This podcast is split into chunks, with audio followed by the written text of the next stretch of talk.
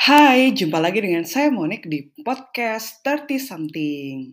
Di podcast ini saya akan membahas mengenai banyak hal, uh, mulai dari yang ringan sampai yang berat, mulai dari topik yang bisa dibahas sambil ketawa, atau uh, topik yang harus dibahas sambil minum kopi. Dan tentunya semua topik yang akan saya bahas di podcast ini akan menggunakan kacamata seorang perempuan yang berumur 30-an. Selamat mendengarkan.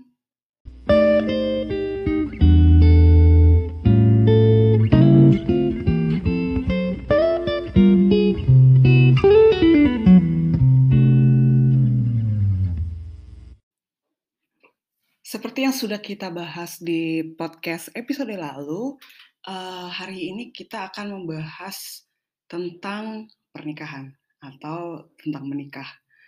Uh, saya yakin banget ya, uh, saya nggak sendirian dalam hal ini.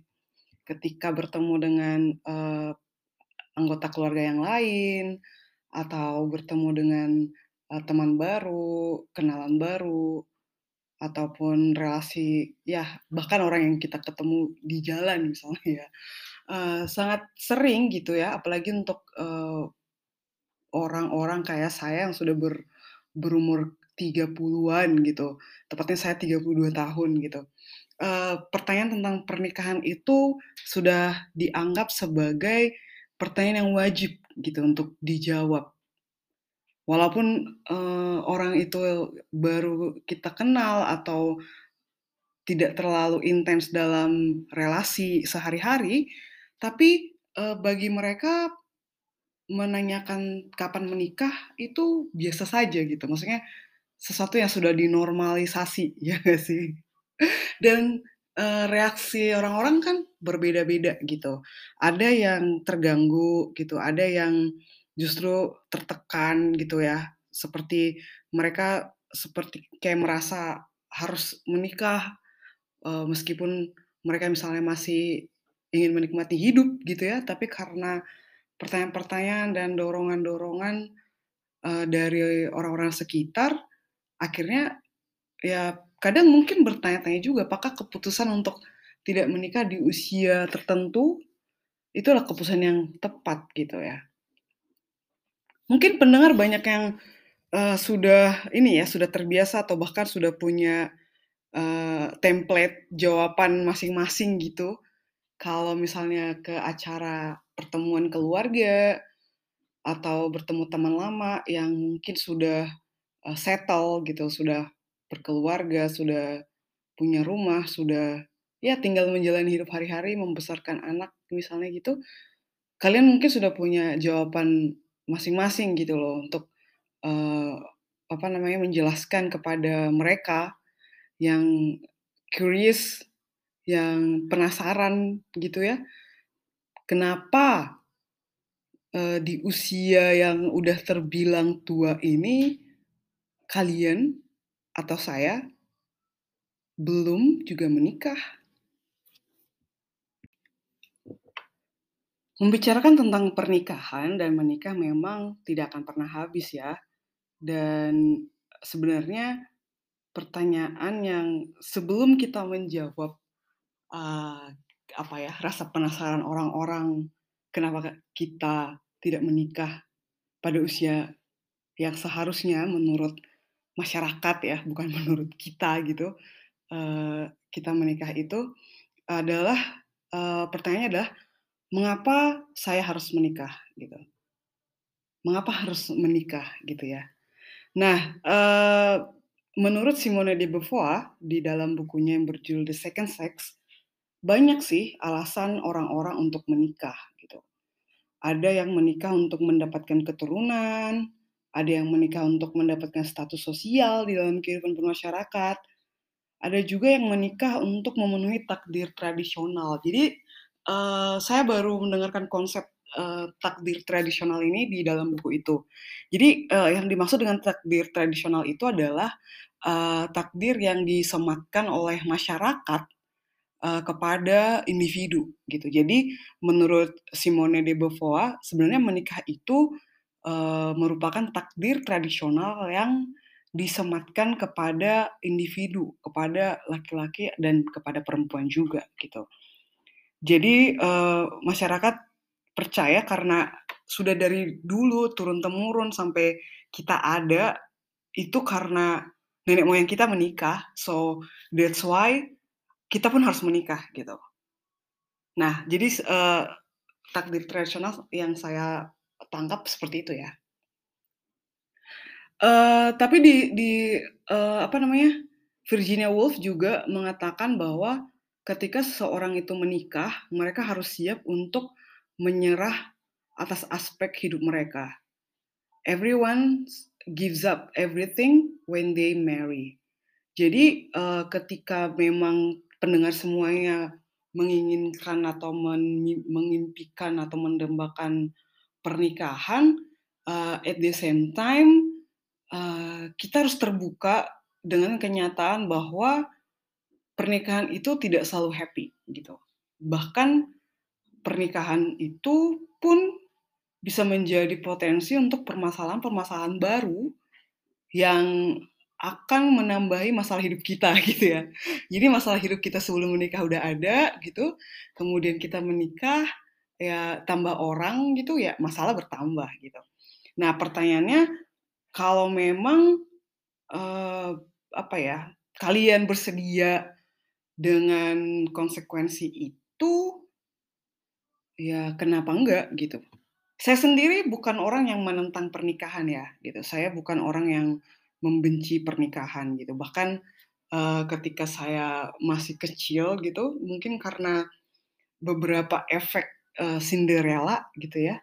Uh, aku pikir ada ada pada momen tertentu saya juga membayangkan bagaimana sebuah pernikahan lebih ke pestanya ya uh, wedding ceremony-nya gitu yang yang apa kita anak perempuan sedari kecil itu sudah di apa, dicekokin atau di apa namanya, diberikan, uh, apa, informasi-informasi yang di mana kita menganggap bahwa pernikahan itu adalah sesuatu yang indah gitu.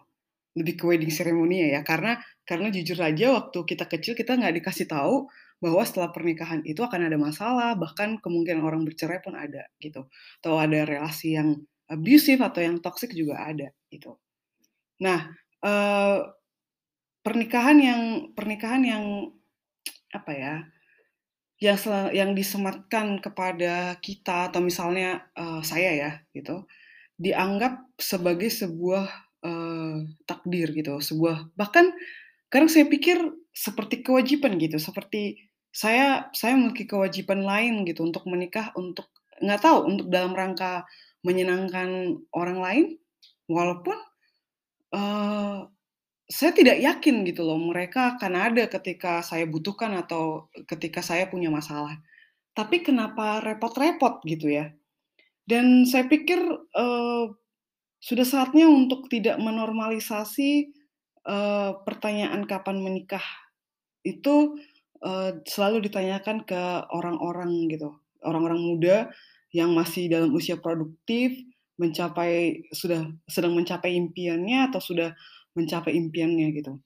Bahkan ironisnya, uh, baik itu laki-laki atau perempuan ya, yang sukses di bidangnya atau bahkan uh, ekspertis dalam hal yang dia tekuni, itu selalu aja uh, masyarakat menganggap uh, hidupnya kurang lengkap gitu. Walaupun uh, dia sudah merdeka secara finansial, tidak merepotkan orang lain, menikmati hari-harinya dengan hobi-hobi yang menyenangkan, yang membangun, yang membuat kepribadiannya jadi lebih baik, tapi tetap aja ada yang kurang gitu, tetap aja tetap aja ada yang hampa gitu. Atau orang, uh, akan berasumsi bahwa hidupnya tidak lengkap atau hidupnya kesepian gitu. Well, orang menikah atau tidak menikah pun punya potensi untuk kesepian gitu loh. Jadi bukan karena uh, kemudian dia menikah, kemudian hidupnya jadi sepi, jadi tidak sepi atau jadi tidak hampa. Jadi orang menikah pun bisa mengalami hidup yang hampa gitu. Gimana teman-teman? Setuju kan? nah, karena uh, perempuan atau laki-laki ditakdirkan gitu uh, untuk menikah. Jadi ketika ada perempuan yang tidak menikah gitu atau memutuskan untuk tidak menikah seumur hidupnya atau masih mempertimbangkan untuk menikah di usia-usia matang gitu ya. Itu mereka tuh dianggap sedang apa ya? E, mengasihani diri gitu loh. Jadi mereka masyarakat gitu, orang-orang di sekitarnya memandang bahwa hidupnya itu menyedihkan gitu. Bahkan stigma-stigma yang diberikan kepada perempuan tidak menikah pun uh, sering ya, misalnya uh, perempuan yang tidak menikah itu sering dianggap sebagai perempuan yang grumpy gitu atau kerjanya murung, pemarah gitu kan, terus omongannya kasar. Padahal uh, menikah tidak menikah pun banyak kok orang seperti itu gitu kan. Jadi uh, tidak adil ya, tidak adil. Apalagi uh, apa namanya status tidak menikah itu atau belum menikah itu lebih memberatkan perempuan gitu loh ketimbang laki-laki. Kalau perempuan itu selalu kayak diwanti-wanti, ah uh, ini ingat umur nanti nggak bisa hamil, nggak bisa punya anak gitu. Like, ya gitu kan. Sedangkan kalau laki-laki udah tua pun, they think they deserve gitu. Mereka masih bisa uh, menikah dan mendapatkan istri yang muda gitu atau masih bisa punya anak gitu ya. Jadi memang uh, masyarakat kita ini sudah terlalu sering, sudah terlalu lama mengistimewakan laki-laki ketimbang perempuan gitu. Dan sudah terlalu lama memberikan stigma negatif kepada perempuan-perempuan tua yang tidak menikah atau yang memutuskan tidak menikah gitu atau yang belum menikah gitu kan jadi ku pikir uh, hal ini tuh nggak boleh dinormalisasi gitu nggak nggak boleh dibiarin gitu dan uh, apa namanya kita sudah harus mulai uh, berpikir bahwa uh, banyak hal lain yang yang menyangkut kehidupan orang lain kalau misalnya pun kita mau ya kita mau terlibat itu banyak hal yang yang kita bisa uh, ingatkan atau kita bisa berkontribusi selain bertanya kapan menikah gitu. Jadi emang hmm, apa ya mengganggu gitu at some point gitu. Walaupun udah sampai uh, banyak template, udah sampai berusaha seterbuka mungkin, udah berusaha memberi pengertian, udah berusaha uh, menghadirkan uh, apa namanya kualitas hidup yang lebih baik tapi tetap aja gitu kurang aja hidupnya gitu. Kurangnya karena nggak menikah aja gitu. Padahal ya masalah nggak selalu sampai di situ ya kan? Nah uh, bagi perempuan sendiri pun tidak sedikit ya perempuan juga yang percaya bahwa dengan menikah itu mereka bisa memiliki sesuatu yang lebih untuk dianggap sebagai uh, menjadi sosok yang berharga gitu pernikahan dianggap menjadi satu-satunya solusi untuk permasalahan hidup yang beragam. Jadi ini yang menurut saya itu perlu diluruskan gitu bahwa menikah itu bukan jawaban untuk semua permasalahan hidup gitu. Jadi jangan-jangan pun sebenarnya menikah itu adalah membuka pintu untuk masalah-masalah baru. Jadi kayak kita udah punya masalah banyak ya jangan ditambahin gitu kan.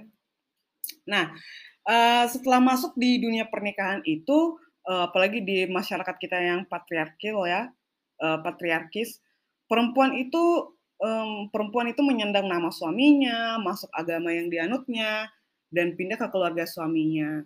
Jadi perempuan yang menikah itu juga kehilangan hak-hak yang uh, dimiliki oleh perempuan yang tidak menikah. Jadi maksudnya tuh hak-hak untuk bebas, hak-hak untuk jadi kan kalau perempuan yang sudah menikah itu uh, kalau misalnya ingin melakukan sesuatu atau ingin uh, mengatakan sesuatu, mengutarakan opini, pasti kayak menanya, berdiskusi dulu dengan suaminya atau mempertimbangkan perasaan uh, keluarga suaminya misalnya, ya seperti itu. Jadi uh, yang jelas memang tidak sebebas orang yang tidak menikah ya, gitu.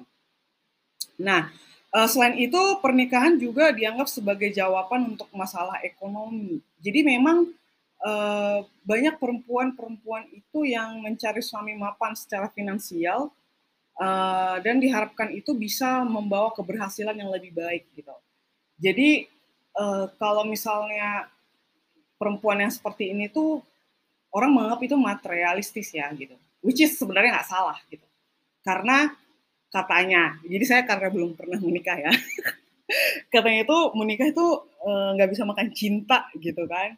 Jadi tetap uh, harus bayar listrik, bayar air gitu, beli belanja kebutuhan harian gitu. Jadi memang uh, tidak bisa dipungkiri mencari partner hidup yang uh, apa independen secara finansial itu tuh juga uh, apa namanya banyak gitu dilakukan oleh orang. Jadi itu itu itu menurut saya sangat lumrah ya. Terus uh, juga untuk karir gitu ya, untuk perempuan sendiri yang menikah itu sering perempuannya yang mengorbankan karirnya gitu loh. Jadi dia sudah settle, sudah punya pekerjaan yang gajinya tinggi gitu ya, uh, posisi yang bagus. Tapi ketika dia menikah, itu seringnya perempuan yang melepaskan pekerjaannya ketimbang suaminya. Atau pun mungkin mereka melewati keputusan itu dengan berdiskusi ya. Tapi uh, banyak perempuan-perempuan yang menyerah gitu. Maksudnya give up on their jobs gitu untuk taking care of their kids dan uh, hidup bergantung terhadap suaminya. Nah, hal ini sebenarnya berpotensi uh, membuat banyaknya kasus kekerasan terhadap uh, istri gitu, kekerasan ke dalam rumah tangga karena uh, si suami merasa punya hak yang lebih atas istrinya karena istrinya sudah dibiayai, uh, istrinya bergantung kepada uh, suaminya gitu. Dan mungkin juga penyebab banyaknya perempuan-perempuan yang tidak berani uh, bercerai atau memutuskan hubungan dengan suami yang abusif karena uh, mereka tidak yakin apakah mereka akan bisa independen secara ekonomi setelah lepas dari suaminya yang selama ini membiayai gitu. Jadi memang sangat pelik ya. Nah, jadi kalau misalnya orang yang menanyakan kapan kita menikah itu tahu atau uh, menceritakan bahwa ada permasalahan-permasalahan tertentu seperti ini yang justru kalau bisa dihindari gitu ya. Apakah mereka masih mau bertanya? Apakah mereka masih akan tetap menanyakan kapan akan menikah? Gitu. Kalau masih tetap akan bertanya, ya aku pikir bolehlah cek dulu uh, pikirannya gitu. Aduh. Uh, menikah untuk ber, untuk tujuan berkeluarga atau memiliki keturunan itu sebenarnya wajar-wajar aja ya, sah aja gitu. Uh, hal itu bergantung pada kesepakatan antara laki-laki dan perempuan yang akan menikah. Perempuan juga uh, pernikahan juga bisa dianggap sebagai bentuk kerjasama antara pasangan yang memutuskan secara sadar. Jadi yang perlu digarisbawahi adalah yang memutuskan secara sadar untuk mem untuk membentuk keluarga, gitu. Jadi uh, ketika ketika mereka menikah gitu atau ketika uh, pasangan tertentu atau baik itu laki-laki atau perempuan ingin menikah, ingin membangun keluarga, ada baiknya dan memang sebaiknya sih itu merupakan keputusan uh, secara sadar oleh kedua belah pihak yang akan menjalani hidup ini, hidup pernikahannya gitu. Jadi uh, si laki-laki atau si perempuannya itu ditanyai gitu loh pendapatnya atau apakah mereka ingin menikah memang atau karena paksaan saja atau karena tuntutan lain gitu. Jadi sebaiknya dibicarakan baik-baik dan uh, murni menanyakan kepada diri sendiri apakah dia ingin menikah gitu atau enggak. Jadi jangan misalnya uh, sebenarnya si anak perempuannya belum mau menikah gitu kan, tapi karena dipaksa atau diancam ya kan nggak lucu juga ya gitu. Malah uh, yang ada nanti si perempuan itu akan lebih menderita gitu ketika misalnya menikah dengan laki-laki atau dengan orang yang uh, dia nggak nggak kenal atau nggak nggak cinta gitu ya. Nah, uh, yang yang juga saya renungkan ya di dalam masyarakat atau misalnya melihat bagaimana laki-laki dan perempuan menjalin relasi, uh, pendengar mungkin uh, tidak asing ya, tapi zaman kita sudah modern gitu ya. uh, perempuan sudah beremansipasi, sudah uh, ada perempuan-perempuan yang berani menyatakan pendapatnya gitu. Tapi kalau dalam hal pernikahan itu mostly uh, perempuan-perempuan itu masih pihak yang menunggu. Setuju nggak?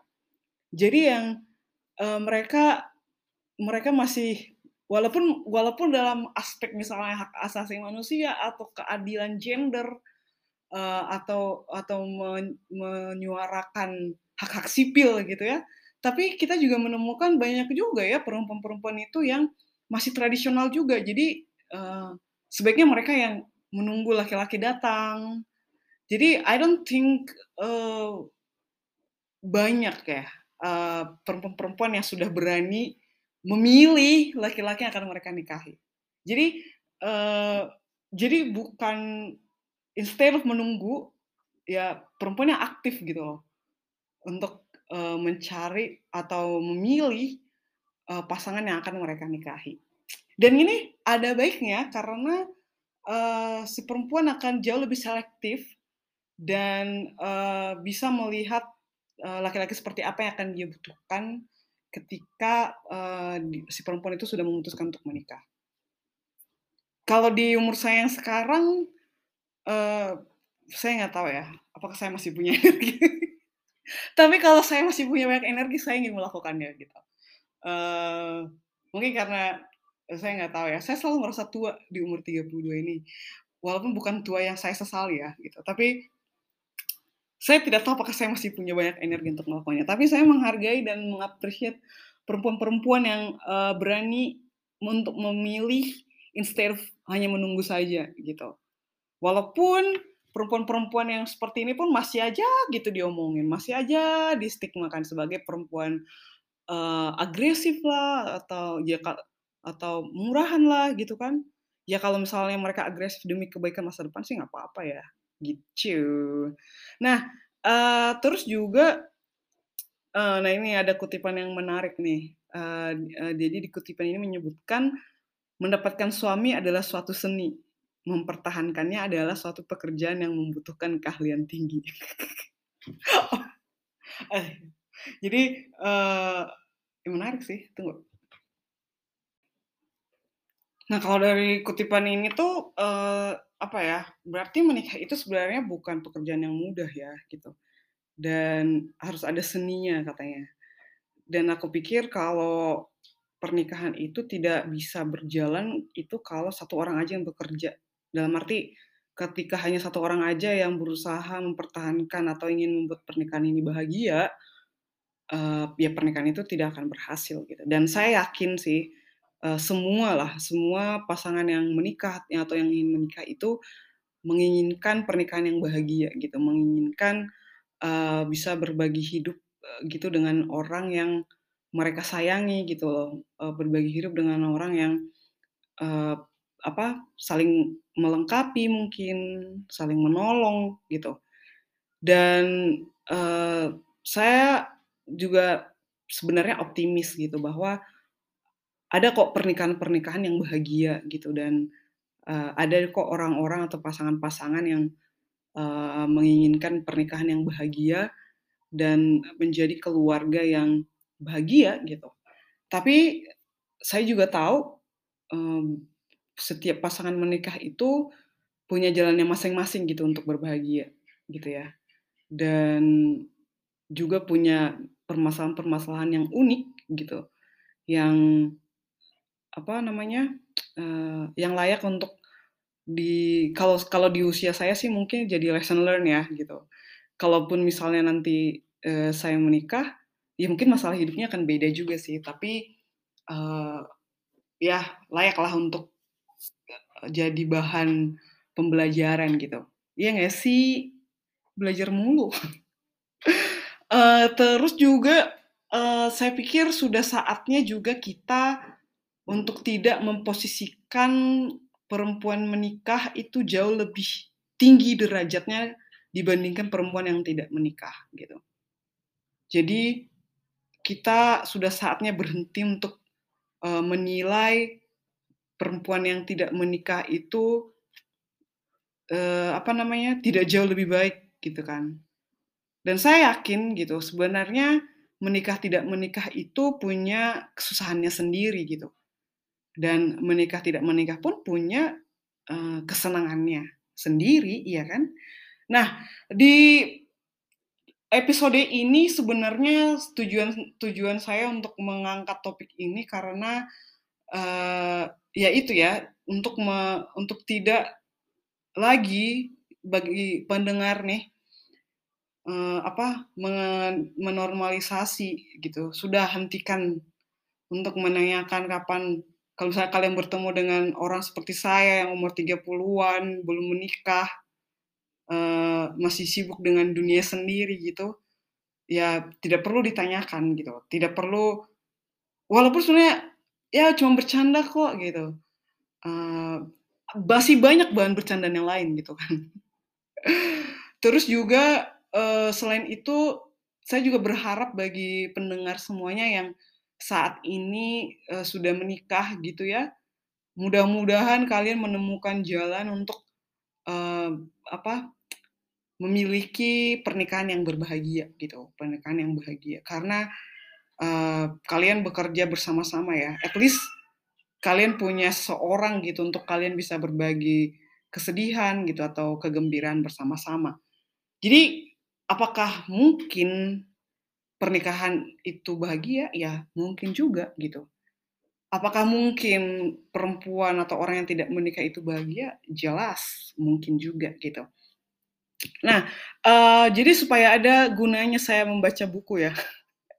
Jadi ada juga beberapa, eee, buku yang saya baca dan dari dari buku yang saya baca ini tuh, eee, saya menang menyimpulkan nih, ada 4 eee, apa namanya, ide gitu, eee, yang saya ingin bagikan ke teman-teman, eee, pendengar, eee, ciri-ciri pernikahan yang ideal gitu, yang bahagia. Nah nah kalau misalnya ini hasil rangkuman dari yang saya baca ya, jadi belum saya alami, jadi nggak ada prakteknya gitu.